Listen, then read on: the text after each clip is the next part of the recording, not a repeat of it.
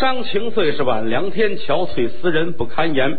邀酒摧肠三杯醉，寻香惊梦五更寒。钗头凤斜清有泪，荼蘼花了我无缘。小楼寂寞心与月，也难如钩也难圆。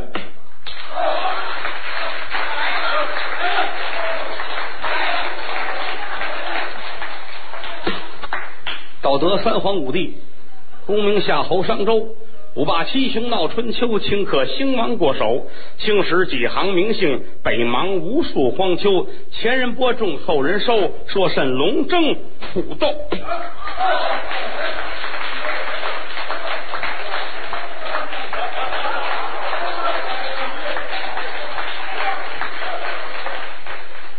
八月中秋不落，路上行人凄凉。小桥流水桂花香。日夜千思万想，心中不得宁静。清早懒罢文章，十年寒苦在书房，方显才高志广。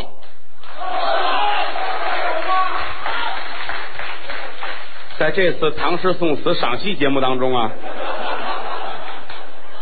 前面这都哪儿来的这几位啊？你都买票了吗？啊，二十块钱看戏行，起哄不行啊！哪有一上来说这么些个去的啊？就说咱们这给的多也不能胡来呀。不过今天需要介绍这块醒木，我们那块丢了，搁在后台，也不知哪位看着好玩给拿走，这丢第二块了啊！别人买个保险箱，正好邢文昭先生带着了，我把您这拿出来吧。这块醒木非同小可，这是想当初相声大师刘宝瑞先生使过的醒木啊。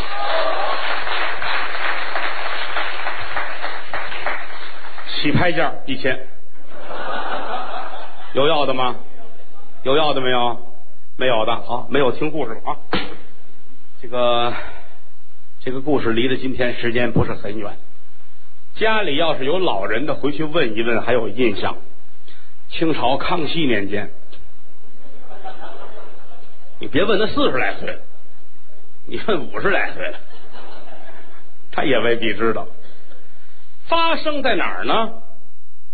武清县管辖有个地方叫河西务，地儿不大，但是是水旱的码头，挺繁华。有这么一趟街，在这趟街上不次于北京城，做买的、做卖的，你说什么样的门脸、各式样的铺户全都有，饭店呐。旅馆呐，戏园子、澡堂子、茶馆全的。在这趟街的正当中，有一家大买卖，叫四美堂，是一个风化场所。过去来说啊，妓院合法化，天下哪儿都是。尤其这个地方，水旱码头，来来往往做生意人多，他必有一个。寻欢作乐的声色之地，四美堂的老板叫王九妹四十来岁，这这老太太能说呀，那个嘴了不得。啊，两片薄片的嘴，汤汤汤汤汤一说，一鸟入林，破鸟压林，谁也说不过他。几句话能说的寡妇改嫁，两口子分家。没准主意的能把你支到新疆去，你愣不知道怎么出去的，回来还得给他送葡萄干就这么厉害，气死画眉不让百灵，了不得。跟前的买了些个姑娘，长得什么样都有，可是呢，没有一个能挂头牌的。啊，这里边吧，比如说分三六九等。那必须得摘出一个色艺双绝、漂漂亮亮的，他是头牌，摘不出来。王九妈一直心怀耿耿，嗯，赶寸了。这一年呢，路过沧州办事儿，遇见一个关卖的姑娘。什么叫关卖啊？家里边惹了祸了，杀的杀，斩的斩。家产充公，最后剩一个闺女，怎么办呢？衙门口出面把她卖了，这叫官卖。卖多少钱呢？三百两银子，一瞧这姑娘长得太漂亮，头是头，脚是脚，又狗狗又丢丢，上宽下窄的瓜子脸啊，大眼睛滴溜溜乱转，鼓鼻梁小嘴个头不高不矮，模样不胖不瘦啊，太好看了。心说这要是弄回去，简简单单捯饬捯饬，在我那儿就能挂个头牌呀。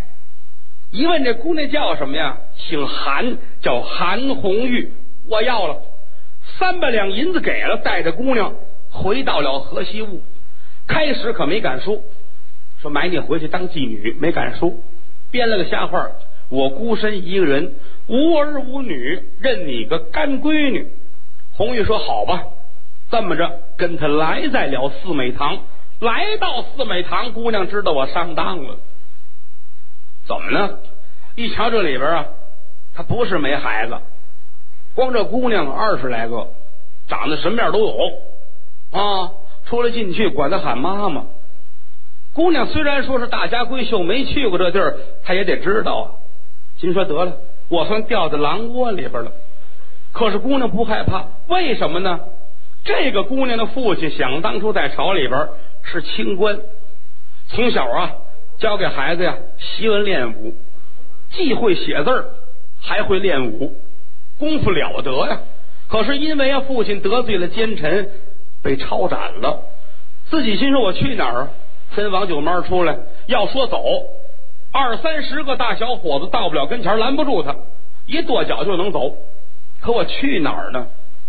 所以说，打算在四美堂暂且存身。一天两天，这日子就过去了。没事儿啊，王九妈拿话就熏他：人生一世，草木一秋，人得及时行乐。瞧见了吗？啊，如果说像你爹妈似的，这辈子就冤了。天天给灌输这些个，姑娘也不往心里去。你爱说什么说什么。到这天，王九妈憋不住劲儿了：“孩子，咱娘俩聊聊天吧。这么着可不是个办法啊。”你想想啊，我花钱买你啊，说句良心话，我得盼着回本儿，我还指望你挣钱呢，没别的啊，你也风流快活几年，弄点钱给妈妈我，有个三五年下来，找一合适人家从良一嫁，以后自己呢好好过日子，咱娘俩当亲戚都。姑娘说啊，你这不是让我做妓女吗？王舅妈说：“是啊，怎么了？妓女怎么了？”姑娘说：“行，您说出来，我不能驳您。不管怎么说，是您花了三百两银子把我买出来，我答应。可有一节，重孝在身，我要为我父母守孝三月。”王舅妈乐了：“好好孩子，我答应你了，守孝三个月。”心说仨月一百天，一眨眼就过去。一百天之后，大筐抬银子。想得好，一百天过去了，姑娘怎么着？咱们挂牌吧。说不行，这两天着凉感冒，身上不舒服，我得歇一个月。歇吧，又歇了一个月。一个月过去了，王九妈再问，姑娘也想不出办法来。这个什么呀？老鸨子这眼眉往起来了，今天推明天，明天推后天，你这是诚心呢！我花钱不是请奶奶，钱出去还得钱回来。来呀，抬进来！说声抬进来，有打外边有人拿进来了，一个水桶，水桶边上搭着一个鞭子棒抻出来这鞭子一瞧啊，鞭子头里边啊拧了一疙瘩，六根驴条。拧好了，这叫懒驴愁。皮鞭子蘸上水，抽在身上一打，一条肉下来。别说你一个姑娘啊，大小伙子都受不了。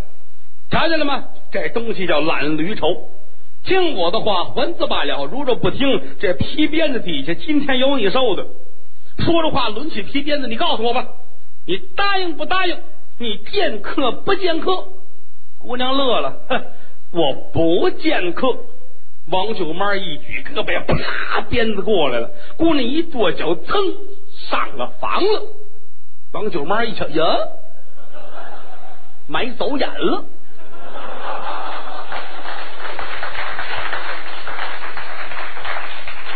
姑娘站在房上，你还打吗？下来吧，超人！啊，那这事儿闹的，谁知道你会功夫这玩意儿？姑娘打上面一跟头下来了。我告诉你，慢说你十个八个到不了跟前儿，还跟你说我是早有防备。你等着，一转身进屋，功夫不大，提了一把刀出来，这把刀攥在手里边来了，跟前一薅老鸨子这脖领子，开！从今往后，你要敢跟姑娘我不客气，你留神！歘，这刀一挥，打老鸨子鼻子尖儿过去，歘，寒光一道，王舅妈跪地下了。姑娘别生气，我答应接客。哎，不对，不对。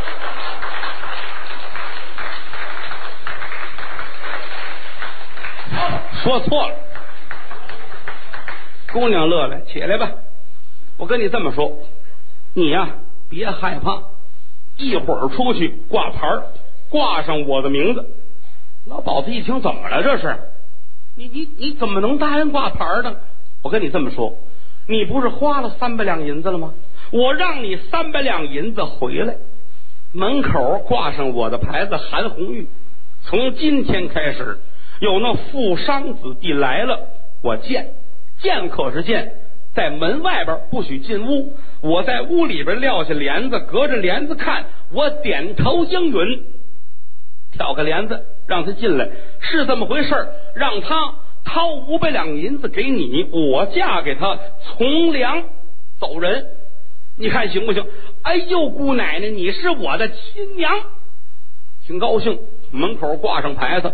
大美人韩红玉正式见客，消息可就传开了，了不得了！说这韩红玉啊，一直都不见客，这回行了，看看咱们有运气，谁有这造化，见见姑娘吧。十里八村这些个富家子弟全都上这儿来了，啊，来到这儿，老鸨子一说有一条件啊，你们来啊，站在门外边，屋里边看你们，看上谁谁进去。大伙儿一琢磨，是姑娘挑客呀，是客挑姑娘啊？我们谁花钱呢？到底是啊？不就就这就这规矩啊？就这规矩，要不不行。来吧，接二连三全都来了。姑娘打屋里一瞧啊，说这个不行啊，满脸呐写满了油画之气，不可以托付终身，这不行。啊，这也不行啊，这个呢带了几个人凝眉瞪眼，不像好人，这不成。简短截说，见了好几十个全不行，有时也有这横的来了，非要往屋里进啊！我不行，非得进屋。王九妈拦着，别进去，他攥着刀呢。那不能，不能啊！天下妓院去多了，没见过拿着刀接客的啊！非来试试吧！大伙儿都架上来，大爷您看看吧。一挑帘子，大爷一探脑袋，噌，刀下来了。出来之后，老老鸨子还得劝他：“您别着急，大爷，你下回我打他啊！”伙计心说：“你这不废话，你打得过他吗？你？”消息可就传了出去。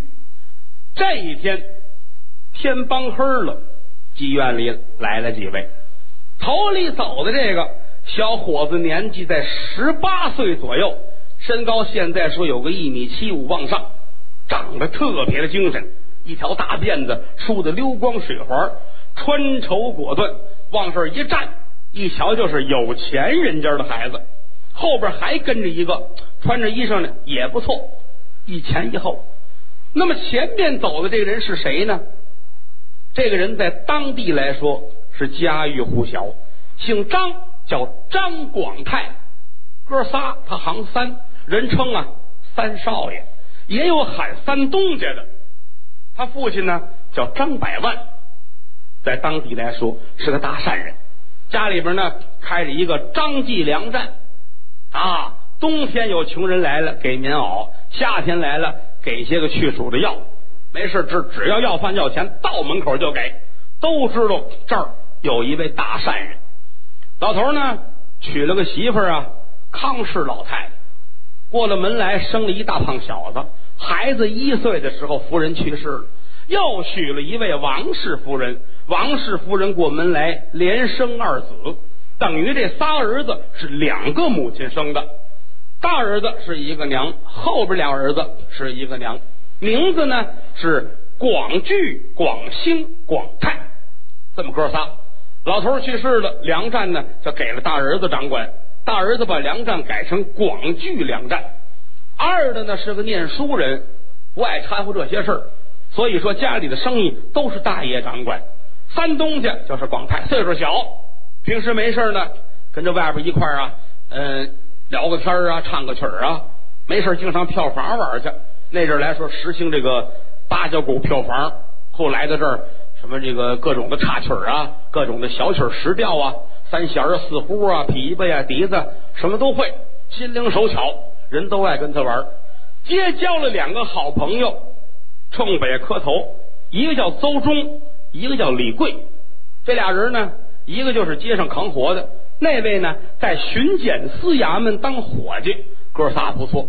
后来又认识一个叫何九的，这何九是个坏小子，吃喝嫖赌抽坑蒙拐骗偷，没事呢带着三东家满处玩去，这儿玩那儿玩，到处去玩去啊！一来二去就学坏了。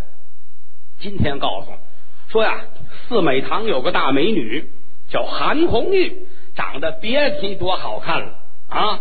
什么高挽着盘龙髻呀，一脸的鸭蛋粉呐，这儿搁一九连环呐，这儿搁一个牡丹花啊，这儿再搁俩枣，就是一切糕啊，没什么好看的了。咱们瞧瞧去吧。广太说：“我还真没去过这个地方，不要紧的啊！你现在这身份，你这个岁数也是应该的。来吧，咱们上那玩玩去吧。”这么着，喝酒带着张三爷来在了四美堂。往里边一走，王九妹接出来呀，可了不得了啊！这不是这个三东家吗？快里边来，让到里边来，摆上干鲜果品，给沏好了茶。说您是哪阵香风吹来的呀？广泰话到舌尖，没好意思说，怎么呢？头回上这地儿来啊，没好意思。喝酒乐了，哎，王九妹，听说你们这儿有一个韩红玉挂牌见客了，没别的，咱们三爷瞧瞧吧。啊，是哈，那个瞧没事可有一样，站在门口帘子外边瞧，那瞧得见吗？里边瞧见就行了。我们这有一规矩，给姑娘镶外边，镶上了让进去，镶不上拉倒。何地瞧这事儿？广泰挺纳闷，哎，这咱们瞧瞧吧，有意思。迈步来在了韩红玉的门外，王九妹喊了一声：“姑娘，来了一位张三爷，你瞧瞧吧。”姑娘在屋里啊。坐那生闷气呢，心说来了这些天没有一个好脑袋瓜的啊，一个一个看着不像流氓啊，就像臭狗屎。心说我不见了，王九妹喊着唤你看看吧，看看吧，站起身来，轻移连步来在了帘子里头，睁一目秒一目往外观瞧，一瞧外边站着一小伙子，当时姑娘愣住了，哎呀，天下还有这么好看的人啊？怎么这么精神呢？大高个儿，长得眉分八彩，目朗星，准头端正，大耳朝怀，这是眼珠子最好看，黑眼珠没这么黑的，白眼仁没这么白的，这张脸这个光滑，就这脸好比一个鹅蛋煮熟了剥了皮儿，粉盒里打一个滚儿，搁到房檐底下拿露水珠滴了一晚上，就是一个黑点都没有啊！这快赶上我这脸了，是吧？啊，好看的这个。感谢您的收听，去运用商店下载 Patreon 运用城市，在首页搜索海量有声书，或点击下方链接听更多小说等内容。